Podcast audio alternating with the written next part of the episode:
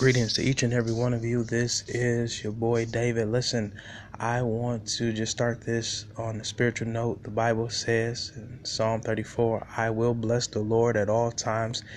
His praise shall continually be in my mouth. Listen, you have to have a I will in your spirit to deflect any negative uh, connotation, any negative message that may come your way. You have to know that God is worthy to be praised, God is worthy to be glorified, and you have to have it in your spirit to say, I will bless the Lord at all times. And I know if you're like me, sometimes you wake up in days you don't want to praise God.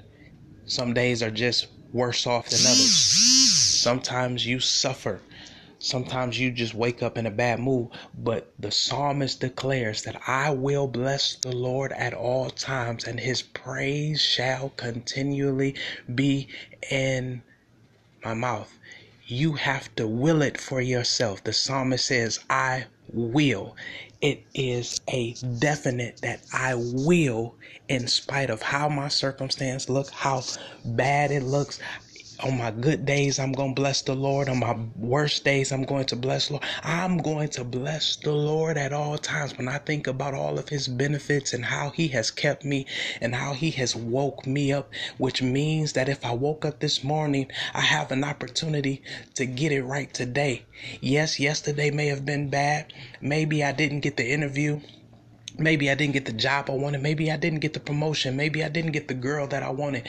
But you have to say that in spite of how bad it is, I made up in my spirit, in my mind, that I will bless the Lord at all I hope this encourages someone that you begin to reflect over what God has done for you.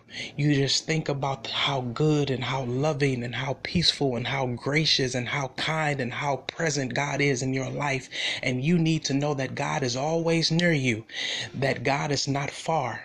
Oftentimes we see the distance, but God is really close to you.